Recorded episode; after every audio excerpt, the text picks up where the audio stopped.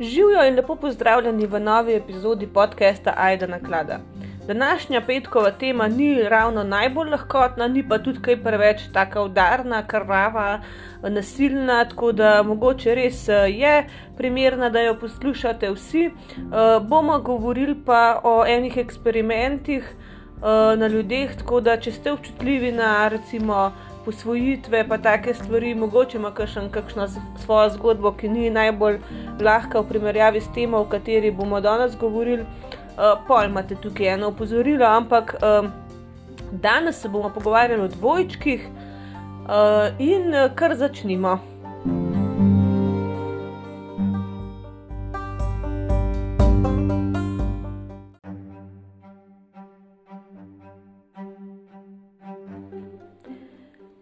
Danes, kot smo rekli, bomo govorili o večplodnih nosečnostih in o produktu večplodnih nosečnosti. Zdaj največkrat poznamo dvojčke, vsak od nas jih zagotovo pozna, še par dvojčkov. Um, so pa tudi tja do osmerčkov preživeli in dočakali, recimo, odraslo dobo, oziroma te osmerčke najbolj slavni, jih sigurno poznate, ta gospa, ki se je umetno oplodila in pol rodila osem osmerčkov, uh, so že kar tako veliki otroci, tako da jim dobro kaže, ne, da preživijo. Vsaj ni, niso, ne bi zaradi zapletov pri porodu, recimo, več umrli no, ali pa zaradi kakšnih pridruženih stanj. Tako da, ja, tja nekje do usmerčkov um, poznamo pre, primere, ko so pač vsi preživeli. Uh, najbrž so bili tudi primeri, ko je več bilo nosečnosti, pa jih veliko ni preživelo, ali pa noben, tudi do tega velikrat pride, ker pač enostavno uh, so plodovi m, preveč, um, preveč švohna, da bi preživeli. Um, v Sloveniji naj, najviše število skupaj rojenih, da so preživeli, pa dočakali odraslo dobo, so pa četvorčki. Uh, zdaj, tukaj naprej bom govorila kar o dvojčkih, velja pa za vse ostale večplodne nosečnosti. Uh, poznamo dve vrsti uh, dvojčkov. Eno jajčne, ne ali identične, pa dvojajčne dvojčke. Zdaj dvojajčni so veliko bolj pogosti, ampak dajmo pogledati um, kar najprej malo statistike, kako pogosti sploh so dvojčki. Uh, zdaj, statistike za Slovenijo, recimo, je full mal na internetu, zelo težko jo je najti, tako da jaz imam tukaj statistiko za ZDA, ampak glede na to, da smo vsi nekako v državah s podobnim razvojem, uh, Uh, najbrž ne odstopa kaj dost. Vem, da za Slovenijo je en dvojček na 9, en par dvojčkov na 89 enojčkov. No? Um, tako naj bi bilo. V ZDA so se pa zelo povečali, zelo povečalo se število dvojčkov v zadnjem času. Od leta 1980 do 2009 je naraslo število dvojčkov za 76 odstotkov. Se pravi, prej je bilo 9,4 parov na, uh, na tisoč rojstev, zdaj je pa 16,7 parov na tisoč rojstev. Sko mislim, več kot, a ne, skoraj skor se je podvojilo v bistvu. No? Uh, zdaj, zakaj je do tega prišlo, ne vemo. Špekulira se dosti zaradi hormonov, ki so v hrani, to vsi vemo. Hrana, ki je hormonsko obdelana, gensko spremenjeni organizmi pa recimo hormoni v kravjem mleku, pa, pa v mesu, a ne kar recimo tretiramo živali zaradi tega, da so bolj produktivne, da imamo več mi od, od njih lahko. Najbrž je tudi to, kar je pripomoglo.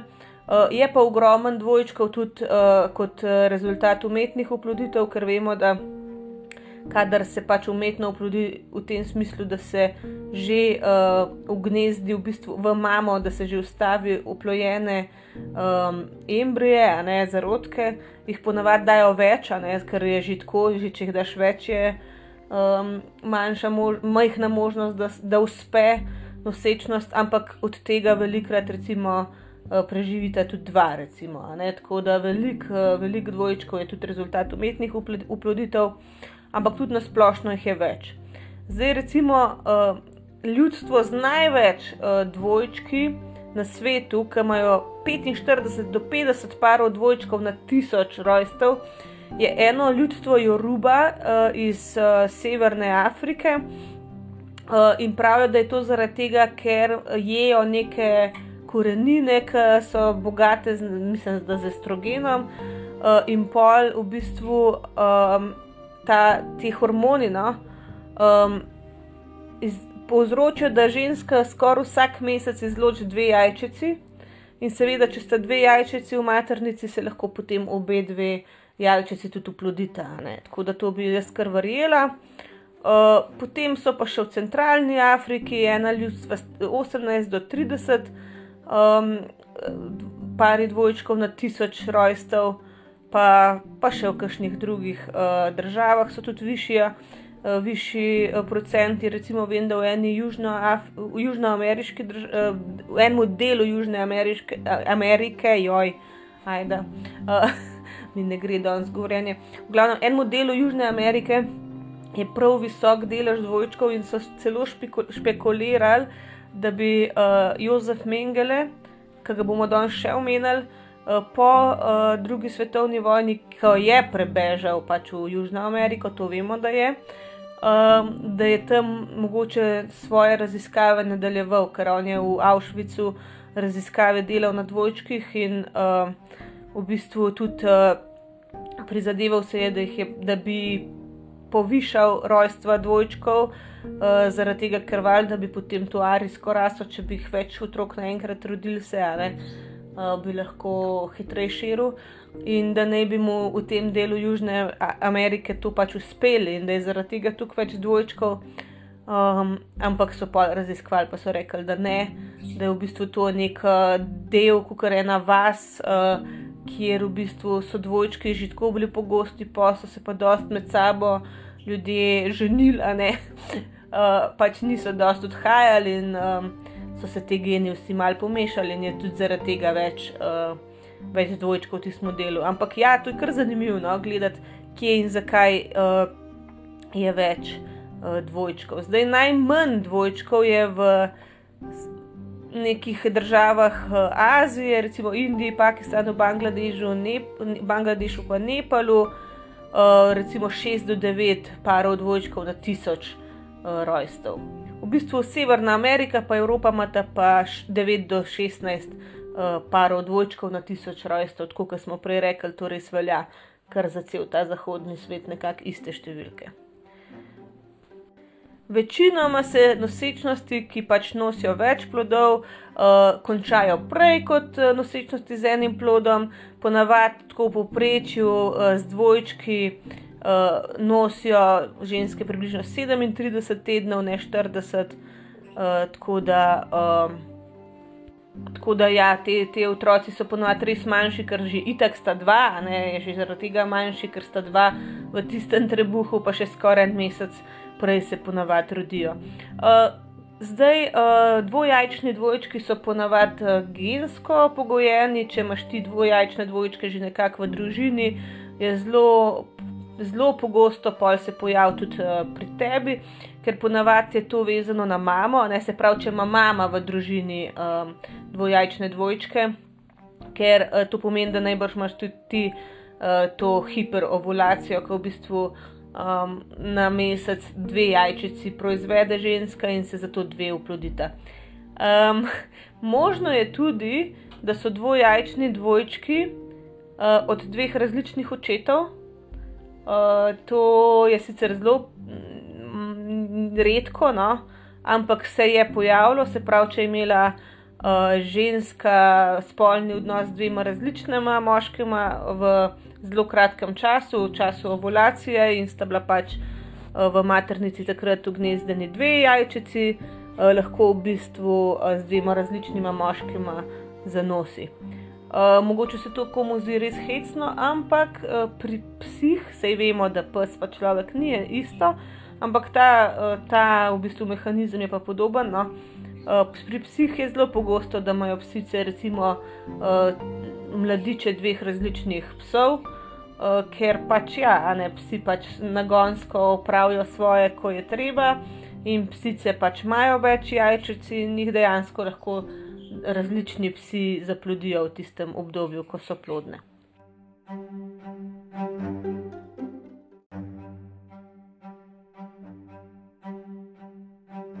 Malce se ustavimo še pri dvojajčnih dvojčkih, čeprav se bomo z enojajčnimi danes ukvarjali, ampak um, dvojajčni so lahko v kakršni koli kombinaciji. Se pravi, mi smo rekli, večina, velika večina dvojčkov so dvojajčni in um, lahko sta dve punčki, dva fantka ali pa par.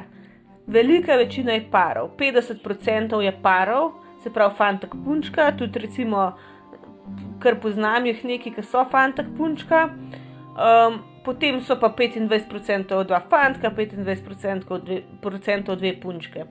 Um, to je čisto odvisno po državah, kakšni so ti um, procenti, tako da ni jih uh, točno določen, ampak ja, to vemo, polovica jih je sigurno parčkov. Kot smo rekli, nastanejo dvojajčni dvojčki, kot že ime pove, iz dveh jajčic, ki sta bili istočasno oplojeni in pač sta istočasno se začeli razvijati. Oni v bistvu nimajo skupnega nič več, kot uh, jih, kar imamo skupnega mi z našimi brati in sestri, ki, sestrami, ki niso naši dvojčki. Se pravi, ni nujno, da sta si podobna, uh, ni nujno, da imata karkoli drugega skupnega, razen seveda rojstni dan. Um, tudi velikrat, recimo, včasih sta si manj podobna takšna dvojčka, kot pa naprimer uh, kakšna čist navadna brat pa sestra. Tudi vidimo velikrat, recimo, eden manjši od drugega, um, ne vem, uh, čist druga barva las, to je čisto običajno. Zaradi tega, ker tudi genski zapis v bistvu uh, nosta čist različen. Imate vse, vse drugačno, oziroma nič bolj podoben kot z normalnim, čist navadnim bratom ali pa sestro. In kot smo že prej povedali, ker sem že omenila, da v bistvu se veča število dvojčkov, uh, zaradi, tudi zaradi umetnih oploditev. Uh, Veliko pogostejši so dvojčki, dvojajčni dvojčki za starejše matere, ker se uh, pri uh, v bistvu materinstvu nad, letom, petin, nad 35 letom starosti podvoji možnost za dvojčke. Uh, predvsem zaradi vseh teh tehnologij, pa postopkov, pa posegov, ki v bistvu pripomorejo k temu, da ženska v bistvu zanosi tudi, če ima težave.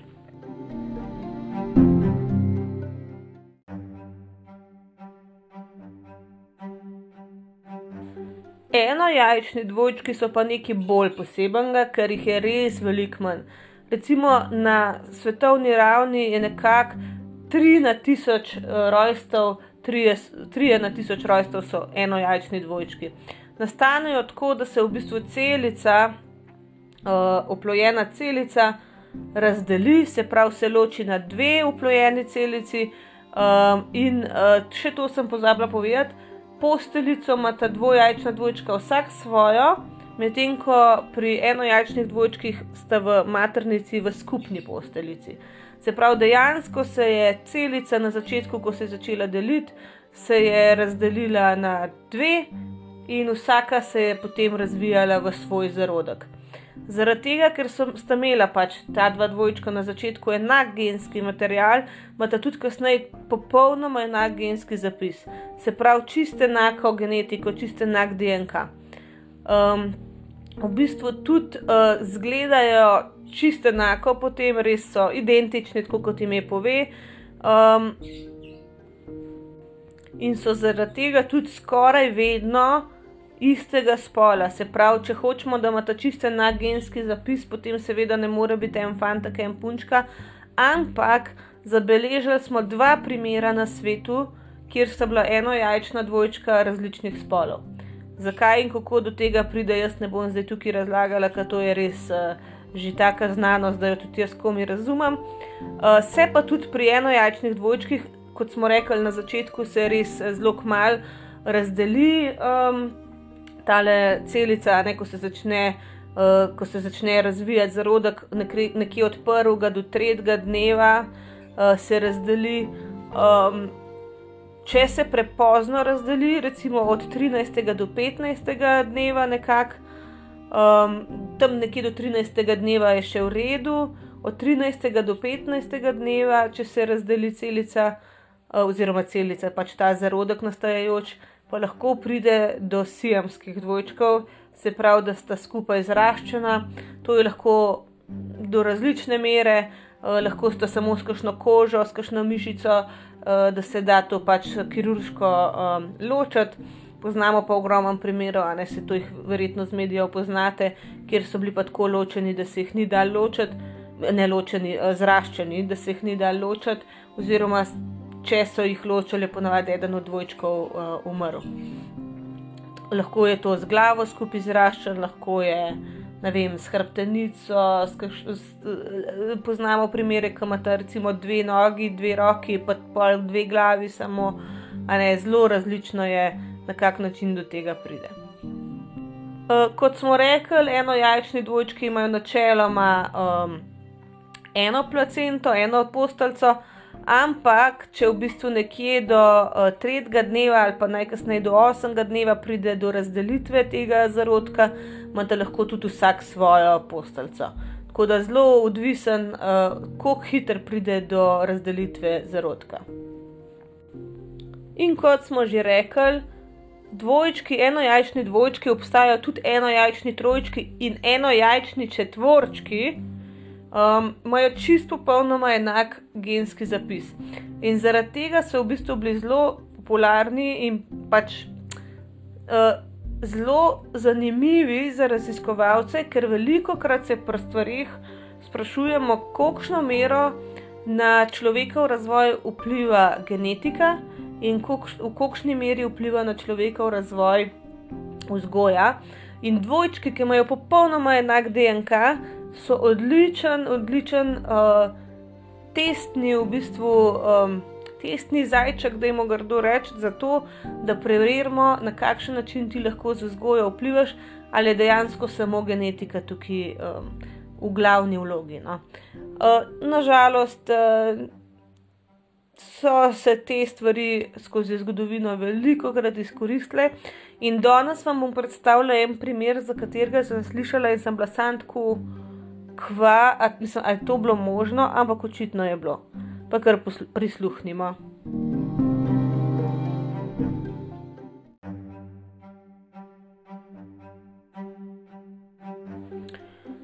Najprej vam bom povedala zgodbo Edija Galanda, Davida Kelmana in Roberta Šafrena. Um, v bistvu zgodba se je začela, ko so bili ti trije fanti stari 19 let. Robert je v bistvu se upisal na nek koledž v New Yorku in ko je prišel, uh, je bil v bistvu presenečen, kako lepo so ga sprejeli in da je bil zelo tako, pač, da ga res že vsi poznajo. Uh, najprej si je mislil, ok, kle, to so pa res ful, uh, gostoljuben ta kampus. Ampak veliko krat so ga ljudje klicali, oživo, Edi, kako si Edi, njemu je bilo pa ime Robert. In um, pol se najde tam en tip, ne, pride do njega, pa Robert je bil že tako naveličen tega, da je rekel: hej, nisem Edi, no, pa reče ta tip. Um, ne, ne, ne, vem, da nisi Edi, ampak da mi povej, uh, a si slučajno posvojen. Pa prav, Robert, ja, pač sem, ne. Kdaj imaš pa rojsten dan? In povej svoj rojsten dan, in prav ta prijatelj, hej, sorry, ti moraš iti z mano, da ti nekaj pokažem. In on ga odpelje srednoči k temu Ediju, s katerim so ga vsi naslavljali, ki je prejšnjo leto v bistvu hodil na ta količ. In uh, Robert je bil, ko so se vrata odprla, je bil Robert kot da bi stal pred uh, ogledalom. V bistvu, v bistvu Edi uh, je bil njegov identičen enojajčni dvojček, tako je vsaj izgledal. Um, Zdelila sta si pač uh, rojstni dan. Eh, in oba sta bila posvojena. Tako da pač jasno je bilo, da nekje po poti ne, se je v bistvu to zgodilo, da, je, vem, da sta se ločila, da so ji dali posvojitev različnima družinama. In to je to, ne, tukaj sta mislila, ok, ful izjemna zgodba, ampak kaj del niste razmišljala. Zgodba je bila vsem tako zanimiva, da je bila objavljena v nekem lokalnem časopisu, dokler tega časopisa ne kupi en fant, David. In David to gleda in si misli, ok, te dva sta meni res podobna, ampak ne, ki no way, ne, pač ne mogoče. On pride domov s tem cajtangom, tudi on je bil seveda posvojen, in tam sedi mama z enim drugim časopisom in bere članek, ki ni imel fotografije zraven, pa, rekel, pa, pa mu mama pove, hej, uh, le to, ki sta se našla po 19 letih dvojčka, ki ima ta isti rojstni dan kot ti. Ker v tem članku, ki je imel fotografijo, pa ni bilo rojstnega datuma. In reče David, čakaj, ja se hecaš, le to sta ona dva. In pol ljudi tako ugotovi, kaj imajo isti rojsten dan in izgledajo isto, očitno je on njihov izgubljen trojček. Oni se v bistvu končno spoznajo, vsi trije, in dejansko ugotovijo, da so identični enojajčni trojčki, ki so bili več kot očitno uh, pri rojstvu pač ločeni. Uh, pol so zasloveli, zelo so v bistvu bili, res so bili simpatični, da je jih po, malo pogooglati, uh, lušni trije fantje. Uh, in tudi ugotavljali so, da v bistvu so skozi. Um, imeli podobne, podobne interese, podobne stvari so jih zanimale, isto znamko cigaret so kadili, uh, isto hrano so imeli radi, isti okus za ženske so imeli. Uh, pol so v bistvu uh, nastopali v nekih uh, televizijskih oddajah, pa v celo v nekem Madoninem filmu so nastopali. In kasneje so celo odprli nek svoj uh, lokal v New Yorku, pač poimenovali so ga triplec, trojčki, v glavnem pač uživati so začeli v tem uh, novem življenju, ki so ga odkrili. Niso kaj dost um, pač razmišljali, zakaj je do tega prišlo. Uh, so se pa njihovi starši zelo počutili opeharjene strani uh, te agencije, ki jim jih je dala v posvojitev. Louis Wise Services je bila v bistvu agencija za posvojitve, um, ki je v bistvu skrbela, da so židovske družine dobile v posvojitev židovske otroke. Delovala je tam nekje v 60-ih letih prejšnjega stoletja. Um, starši ne, teh treh fantov so pač vsi kontaktirali to agencijo, pa so rekli: Hello, pač daj ste nam vsak, vsakmu enega trojčka, kvaj je z vami na robe. In uh, so se tam nekako uh, izgovorili, da uh, pač so mogli to narediti, zaradi tega, ker mogo, jih je bilo lažje dati v posvojitev, ker mnoge družine ne bi hotele vzeti trojčko, ne pač niso hotele uh, pač vzeti vseh treh, ampak te, pač, te, te starši so rekli, ne, da to sigurno ni razlog, zaradi tega, ker um, čisto vsak od njih. Uh, bi vzel še dva, če bi pač vedel, da, da obstaja ta. Uh, in so bili prepričani, da je bilo to namensko in da je zadnji neka teorija zarote, ampak niso hoteli, v bistvu, mislim, niso znali niti opredeliti, na kakšen način, oziroma zaradi česa bi ta agencija to hotela sploh narediti. Uh, leta so šla mim in pa so se ti fanti vse bolj stvari pogovarjali za nazaj. In pol, uh, ja, malo so delili med sabo izkušnje, kakšna so bila njihova leta kot res, kot majhni otroci. In pa v bistvu vsi ugotovijo, da so oni imeli uh, vse čas neke obiske v narekovajih, nekih ljudi, ki so jih stalno opazovali, merili, jim dajali določene naloge, uh, jih fotografirali, snemali, uh, hoteli, da recimo se z določenimi igračami igrajo, da vozijo kolo. Uh, pol, ne vem, da, uh, da neke sestavljanke sestavljajo, in v bistvu ugotovijo, da so bili to uh, raziskovalci, znanstveniki, ki so bili vključeni v neko študijo dvojčkov. Se pravi, ko so ti fanti odraščali, so ti znanstveniki vse čas uh, kontrolirali in zapisovali njihov, njihov uh, miselni razvoj, njihovo vedenje. Starše so pa v bistvu nategnili, po domač povedan, s tem, um, da so na ta način kukara, ne nadzorovali, kakšen stil starševstva imajo ti ljudje, a so v redu starši in da je za otroke v redu uh, pač poskrbljeno. Um, in sploh si niso predstavljali v tistem času starši, da je ta Louis Wise Services, glede na ta um, um, načrt raziskave, namensko dala trojčke v različne domove. Robert je bil v bogati družini, Eddie je bil v neki middle class eh, družini, In David je bil zelo v taki malce bolj revni družini, kjer so bila starša v bistvu imigranta. Tako da s tem, ko so jih dali čist različne uh, družine, so hoteli dokazati, ali in kako v bistvu vpliva uh, vzgoja, pa okolje, v katerem odraščaš, uh, na tvoj razvoj, glede na, v, mislim, v odnosu recimo do genetike same.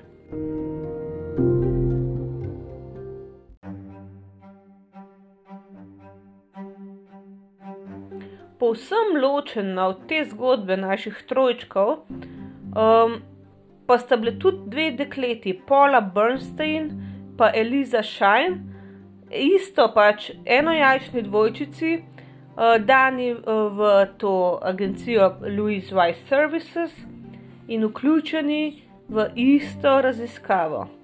Skupaj sta bili šest mesecev, se pravi, do šestega meseca sta bili še skupaj in potem so jo ločili in dali v ločeni družini v posvojitev. Uh, Elis je živela v Parizu in ko je bila stara nekje 30 let, si je zaželela vedeti več o svojem izvoru. Ona je vedela, da je posvojena. Tako da uh, je nekako v New Yorku, v Adoption Registry, to je nekakšen registr teh posvojenih otrok, je vložila pač um, nek zahtevek, da bi vedela, ne, um, kdo so njeni starši, so nje, če ima kakšnega brata, sestro, ker mislim, da je to fora, da če ti ne moreš izsiliti teh podatkov, uh, lahko pa ti daš uh, svojo vlogo oziroma izraziš svojo željo in če jo na drugi strani tudi recimo tvoj brat, sestra ali pa mati izraz, vaju potem povežejo. Tako pač ne gre, to je kaj en Tinder, swipati se morate en, en, en drugega, mislim, to je butasta primerjava, ampak vse ime razumete, kaj hočem reči. Oba morata izraziti željo, da se povežeta in pol vaju bo, vas bojo povezali. Tako da ona je uložila to svojo vlogo in eno leto kasneje dobi pač uh, nazaj pismo da ima sestro dvojčico. Pola je bila zelo paranoična glede tega, eh, da jo njena sestra dvojčica želi spoznati. Odkar je bila otrok, je vedela, da pač je posvojena, ampak to, da ima pa dvojčico in še eno jajčno dvojčico, se je pa zdelo njej tako, tako res eh, grozen, grozen, čustveno obremenilno. In um, leta 2004 sta se v bistvu komi spoznale, in uh, ste ugotovili, koliko je v bistvu genetika igrala res ful močno vlogo glede uh, njunih interesov, glede osebnosti, uh, psihiatričnih stanj, ki ste jih imeli. Uh, obe sta celo film študirali, um, obe sta zdaj pač v nekih umetniških vodah. Um, in v bistvu sta tudi oni dve ugotovili, zakaj sta bili ločeni in da je bilo to namenoma. Takšnih dvojčkov ne vemo, koliko je. Vemo, da trojčki so načeloma bili samo eni, ker je tudi že tako, mislim, redko je, ne, da so identični trojčki, pa še da so posvojeni pol, tako da mislimo, da trojčki so bili samo eni. Uh, potem so začeli raziskovati, koliko uh, dvojčkov je nekako posvojenih v židovske družine, ampak niso imeli, um, nis, ne morejo dokazati, zaradi tega, ker veliko teh ljudi se sploh ni našel. Uh, mislim pa, da 16 parov ali 16 ljudi, se, 8 parov, meni se zdi, no? 8 parov dvojčkov se je še našlo um, in ugotovili, da so bili v bistvu namenoma ločeni. Koliko jih je, pa ne bomo nikoli vedeli, oziroma ne bomo let, vedeli do leta 65, kot vem. Uh, boste zvedeli zdaj v nadaljevanju, zakaj. Ker načeloma nikoli niso izdali uh, teh podatkov ven. Ne. In tudi zdaj ne smejo, a ne, zdaj ti ljudje so odrasli, oni ne morejo zdaj kar vse poklicati. Hej, by the way, a ne, 50 let nazaj smo pa tebe od tvojega dvojčka ločili, mislim, tega zdaj sigurno ne bojo naredili. Dajmo si pa najprej pogledati, kako se je v bistvu ta študija začela in kako je potekala.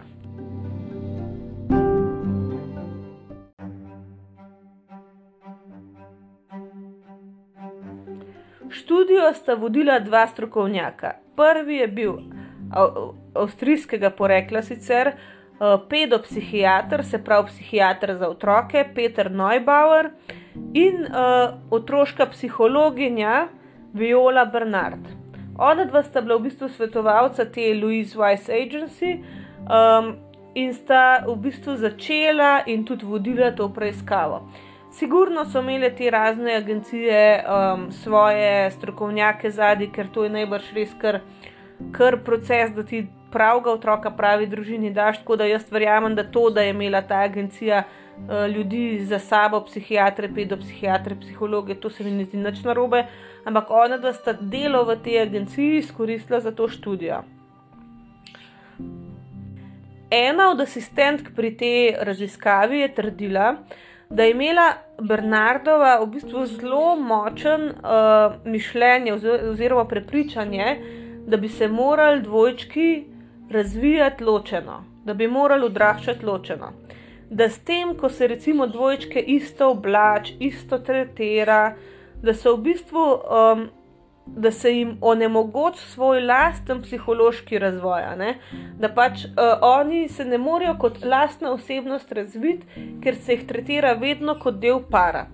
Zdaj s tem se jaz mogoče do neke mere ne lih da strinjam, ampak razumem, iz česa ona pač izhaja. Uh, pogledala sem zdaj kar nekaj dokumentarcev v pripravi na tale podcast in res sem videla ena ženska, ki ima v bistvu identične četvorčke, punčke. Uh, kako jih je isto oblačila, isto res, mislim, tako groza jo je bilo, da bi bile one na kakršen način med sabo drugačne. In se je prav mogla srečati z eno družino iz Amerike, ki imajo pa že skoraj odrasle četvorčke, tudi punčke. Da so ji te punce rekli, da kako je v bistvu zdaj, ko grejo na količ, kukar jim veliko pomeni ta povezanost s sestrami in veliko pomeni, da bojo lahko svojo individualnost še bolj razvijale. Ker je to lahko za otroka grozno obremenjujoče, da je vedno z nekom primerjan in tudi vedno obremenjen s tem, da je del uh, seta, recimo dvojčki del para. Tako da jaz do neke mere to razumem, ampak to se lahko na drugačen način reši.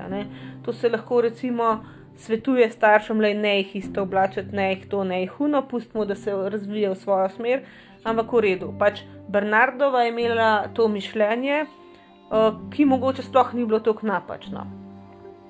Neubauer je pa v svoji knjigi, um, naslov je Nature Stampprint: The New Genetics of Personality, če jaz zdaj to na hitro prevedem.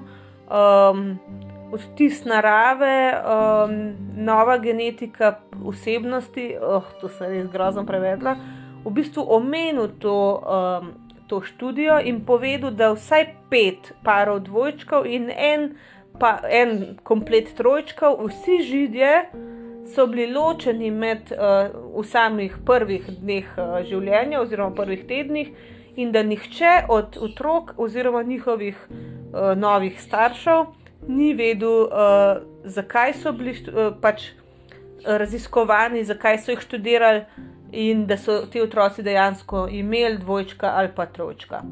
Um, eksperiment se je začel v 60-ih letih in je trajal do 70-ih let. Uh, v tistih uh, letih v bistvu ni bilo, no, sploh ni bilo ilegalno, da se ti um, dvojčke, pač trojčke, kakorkoli, ali pa kakorkoli so rojence ločil, ko si jih dajo v. Um, v posvojitev. Bilo je neetično, bilo je moralno narobe, ampak ni bilo, ni bilo ilegalno.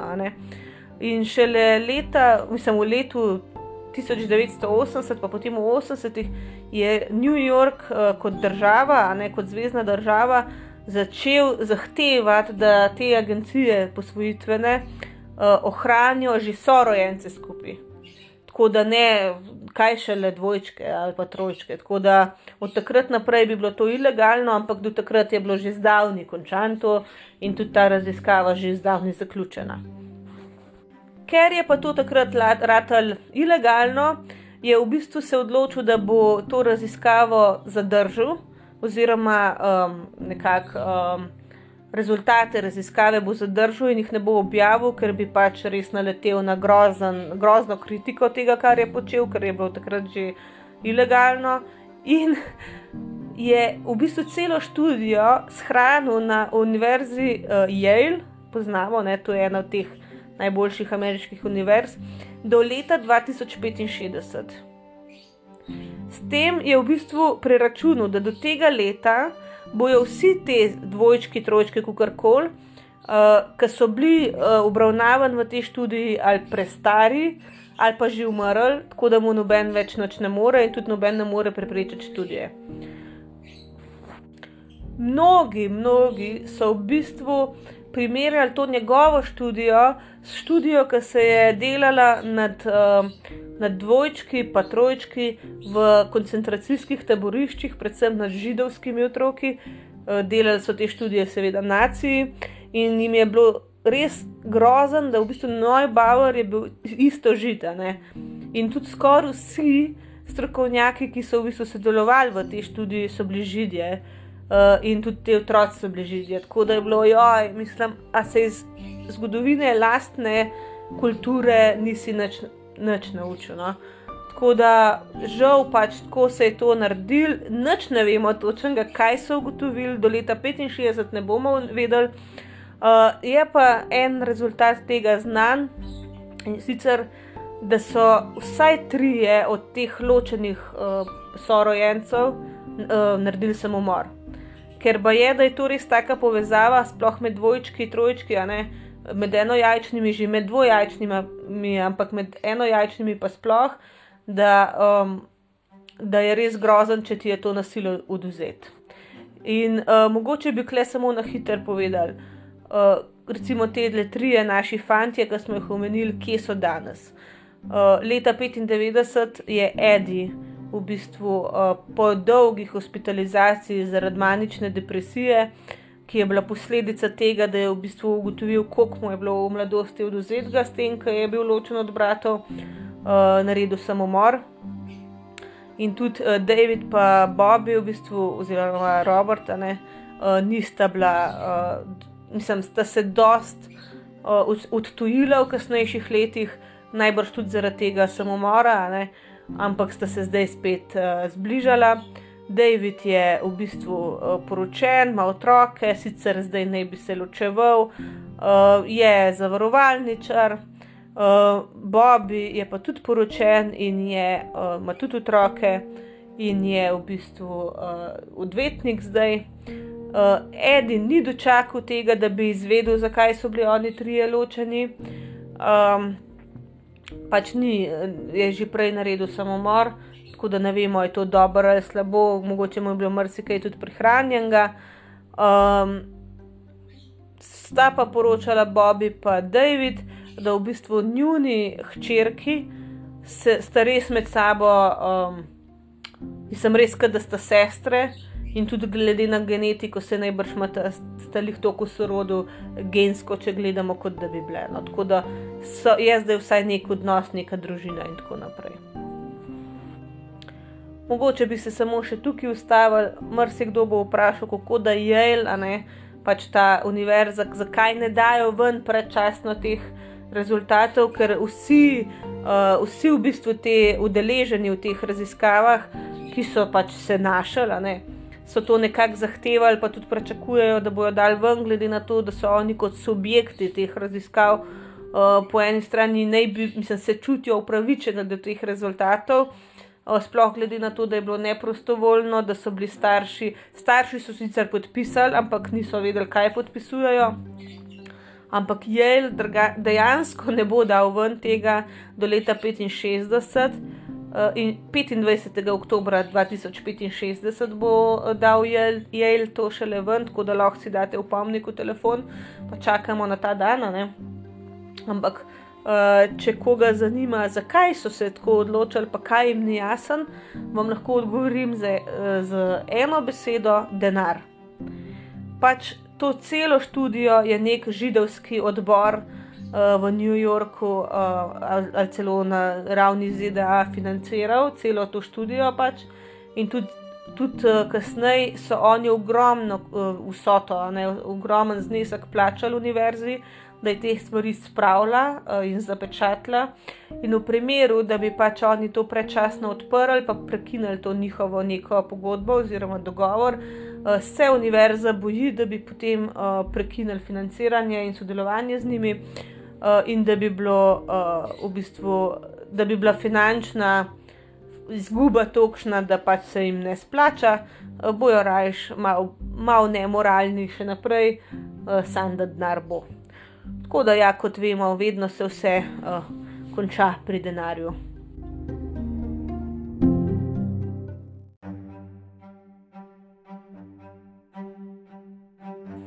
Se pa nažalost to, da so dvojčki ločeni v rojstvu, ne dogaja zelo redko. Um, tudi v današnjih dneh uh, ogromen uh, otrok se posvaja iz Kitajske. Kitajska, kot vemo, po uzakonitvi tega, da ima družina lahko samo enega otroka, uh, ima kar hude težave, ker sploh v kakšnih manj razvitih delih države, pa pri ljudeh, ki imajo manj denarja, že tako in pač kontracepcije najbrž ni. Uh, pa tudi kasneje tako imajo narejene zakone, da bi to davka plačal na ta drugega otroka, naprimer, ne, um, da si ga ne morejo prvoščati in velikrat, ko pač se tak otrok rodi, um, ga dajo pač v posvojitev. In so njihovi sirotišnice res polne otrok. Uh, in iz zahodnega sveta ljudje res veliko posvajajo iz Kitajske, in v teh sirotišnicah je tudi ogromen uh, pač dvojčkov. Zdaj jaz ne vem, zakaj ne ponudijo kot dvojčkov, vse je mogoče, da jih, pa možene, da dejansko ne upajo ponuditi dvojčkov, ker vemo, da res dejansko je tam preveč otroka, ne. Tam otroci. Če recimo v Sloveniji je zelo težko posvojiti, ne, ker dolg čakaš, to vem iz uh, ene zelo osebne izkušnje moje prijateljice, uh, koliko časa se to čaka, koliko, koliko težko je posvojiti otroka v Sloveniji, ne? recimo iz, iz Kitajske bi ga lahko takoj, sam rabaš pa denar, ne rabaš ogromno denarja. Oziroma, jaz ne vem, če bi ga lahko takoj, sam hočem reči, tam otrok je dovolj in jaz mislim, da tam dejansko jih dajo na razen, zaradi tega, da imajo sploh šanso, da ta otrok dobi družino. in um, že vsaj dva primera poznamo, da sta se deklici, dve pač punčki. Eh, ki ste bili v različni družini, dani v posvojitev, pol um, našli, uh, dvojčici, eno jajčni, ne moreš. Ali tri, celo tri primere. Ja. Tri primere sem videla že v enih dokumentarcih. So se pa vsaj tako potrudili te, uh, v teh agencijah, ko oni nimajo pravice povedati, hej, nismo dali pa tvojega brata ali pa sestro, te pa te družini, a ne to pač je varstvo podatkov, ampak so se na nek način potrudili, da so jih dali uh, v zelo podobno okolje, tako res ali v isto mesto ali vse v isto državo, uh, da so se pol nekako po čist naravni poti te ljudje najdel. No. Uh, tako da, uh, ja, to je evo, še do danes v bistvu se to dogaja, uh, tako da sploh ni tako uh, zastarana zadeva. Uh, in ja, te ljudje res se pravimo, te tri fanti, oni so se našli po 19 letih na razen ti dve um, ženski sta se po 30 letih našli, imamo pa vmes en primer, ki sta se vem, po 56 letih našli, gospejane. Tako da to je res, uh, tudi ko sta one dve prepovedovali. Vsaka na svoji strani, da kako ste si cel otroštvo želeli, joj, kaj pa če bi imeli z dvojčico, kako bi bilo to fino, pa bi bile iste, pa bi bile to, pa bi bile uno, in da ste obe sta isto povedali, sam pač ločeno. Uh, um, da sta obe to govorili svojim prijateljem, uh, pa so bili oni tako ne, zakaj bi hotel dvojčka imeti, ni bolj, da imaš svoj rojsten dan, ne, da si ne deliš skozi vsega še z enim, pa so bili oni tako ne, akva, a to ni normalno, ne, da si kaj takega želiš. Tako da se vidi, da res, res, resnično neka ves je, da ti nekaj govori, hej, človek, nekaj ti manjka. No. Tako da ja, te ljudje so imeli veliko nekih psiholoških težav zaradi tega, kar jim je bilo oduzeti. Tako da to ni tako hecno. Tudi če mislimo, da v bistvu, um, če je čist dojenček, pa se še ne ve zase, pa se ne ve, ni tako hecno. Genetika vse naredi svoje. Tako da v bistvu je to, kar so naredili. Jaz ne vem, no se pravi, to ni takšen zločin, da bi rekel, o, kako grozen, kaj so jim naredili. Vse večinoma so imeli zelo srečne družine, ampak namensko so dajali te otroke, kot smo rekli, pri trojčkih, enega hrevenmu, enega bogatmu, enega takmu, ki so vedeli, da ne bo imel kakšne hude podpore pri šolanju, enega heni ful, taki um, spodbudni družini, taki, ki ga je spodbujala k šolanju, pa takim stvarem. Mislim, tako no, a ni tu. nekje je bilo res lepo napisano, da so se zdravniki igrali bogove. In lepš tega v bistvu ne bi mogli um, opisati. Dejansko se, so se igrali, kot da so bogovi. A, jaz se bom zdaj izmislil, kaj bom s tem otrokom naredil, kam bo on šel, in pa bom gledal od zdaj kakšno življenje bo zaradi te moje odločitve ta otrok imel. Grozen. No? Tako pa ni bilo to toliko časa nazaj. Ne? Se kot vidimo, če je Edi umrl 95 let, pa še ni izvedel sploh za to študijo, pa se je to res nedolg nazaj odvijalo, ne? mislim 25 recimo, eh, let nazaj. Še bolj mi je pa zanimivo, v bistvu, kako so ti um, znanstveniki skozi njih. Pr preverjali do 12 let, pa je do 12 let so vsakmu otroku redno hodili, enkrat, dvakrat na let. In kako so v bistvu, kako so v bistvu mogli uh, starše nategniti. No? Mislim, starši so dejansko, ena mama je povedala, da zakaj se je strinjala. Zato, ker so ji rekli, da je dva otroka ima že posvojena, lahko dobiš še tretjega, če pristaneš, da ga malo nadzorujemo, da bomo videli, če mu je v redu. In tako da je rekla, ja. A ne to je tako, kot pač vse, kot rejnik, recimo, a ne imaš najbrž tudi neke obiske, kar se CSD-ja tiče. In oni so to čistko lepo razumeli, niso pomislili, da bi bil še en folk tako pokvarjen.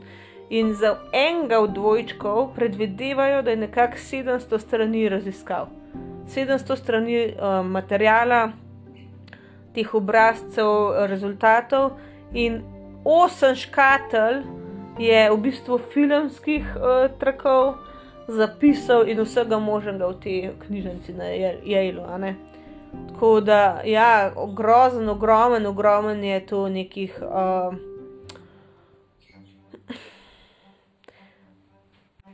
zdaj se je malo zgubila sred stavka, zato ker sem nekaj zelo zanimivega še najdla. Um, se pravi, Neubauer in Bernardova sta ločeno pač svoje raziskave vodili, mislim, ista raziskava, ampak na svojih področjih sta jo delala. In v bistvu uh, Bernardova pač ima tudi te svoje dokumente tam spravljene, ampak njene, njene stvari, ki pa sicer nimajo teh zapisov, pa, um, pa posnetkov, so samo do 2021, se pravi do letošnjega leta, zaprte, ne zapečatene. In uh, vse, kar je ona naredila, je zdaj v bistvu že dostopno. Je pa bo je ona rekla, da ko so dobili njene papirje, njene papirje je v bistvu imela Kolumbija, uh, Univerza v Kolumbiji, uh, je v bistvu ona rekla, je pač vse istega leta, bo so, bojo, bojo, bojo pa itak tudi od Neubauerja pač odprli ne, te škatle. Tako da zdaj niso čisto sigurni, ali bi jih lahko že letos odprli, ali jih bojo rešili 2065. Tako da jaz sicer nisem našla nobenih podatkov, da bi letos odpečatali od Neubauerja, um, od Neubauerja dokumente, ampak uh, bom še malo raziskala, pa če bo kaj novega, bom na Facebook, uh, na Instagram pod tisto objavo napisala. Ampak ja, možno bi bilo, da bi se že prej odprli, ampak jaz dvomim, zato ker, kot smo prej rekli, denarno. Tako da, ja, um, sploh ne vem, kaj naj še rečem tole je mene tako presenetilo, sploh res ne morem verjeti.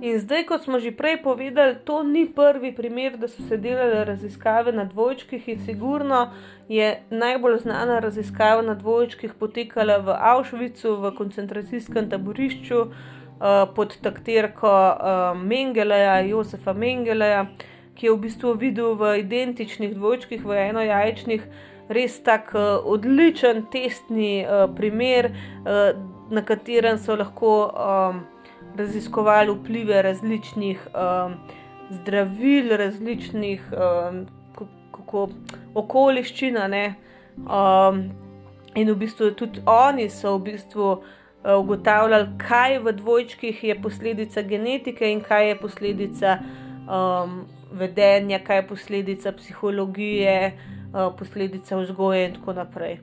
Uh, zelo so jih uh, v bistvu bili so ti dvojčki podvrženi različnim okoliščinam. Um, vem, da so jim enim so obrizgavali določena zdravila, ta drugmu ne. Enim, ene so okužili s kakšno boleznijo, to pa ta drugega ne. Uh, ali pa so oba okužili, pa enega zdravili, enega ne. Tako da ogromen se je delal takrat uh, na dvojčkih nekih uh, raziskav, in tukaj moramo tudi povedati, da. Um,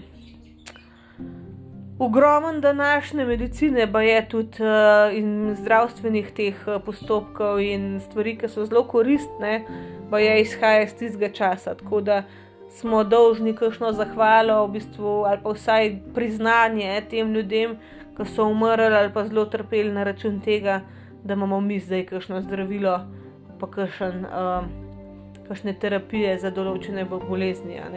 Tako da, ja, dvojčki so nažalost, kot smo vsi fascinirani nad njimi, mislim, da lahko rečemo, da smo, no, uh, so žal zaradi tega velikrat nasrkali. No.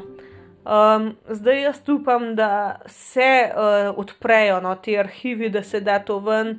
Jaz mislim, da ljudje zas, si zaslužijo vedeti, uh, zaradi česa so bili v bistvu tako obravnavani, zaradi česa so bili ločeni od bratov ali pa sester. Uh, in če je to slučajno, mislim, vsaj nekaj dobrega v prenesel, uh, ampak bomo videli. Se pravim, uh, nisem našla podatka, da bi letos arhiv odprl, tako da je smisel, da bo treba kar do 65 let počakati.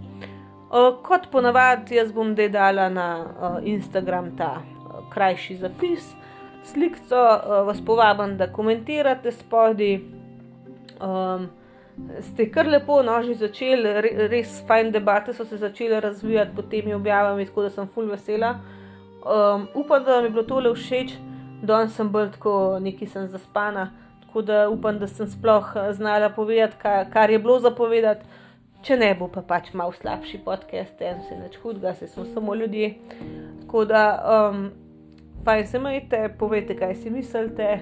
Uh, in se poslušamo naslednji teden. Ostanite zdravi, pa varni, smo na vizi, čau, čau. thank you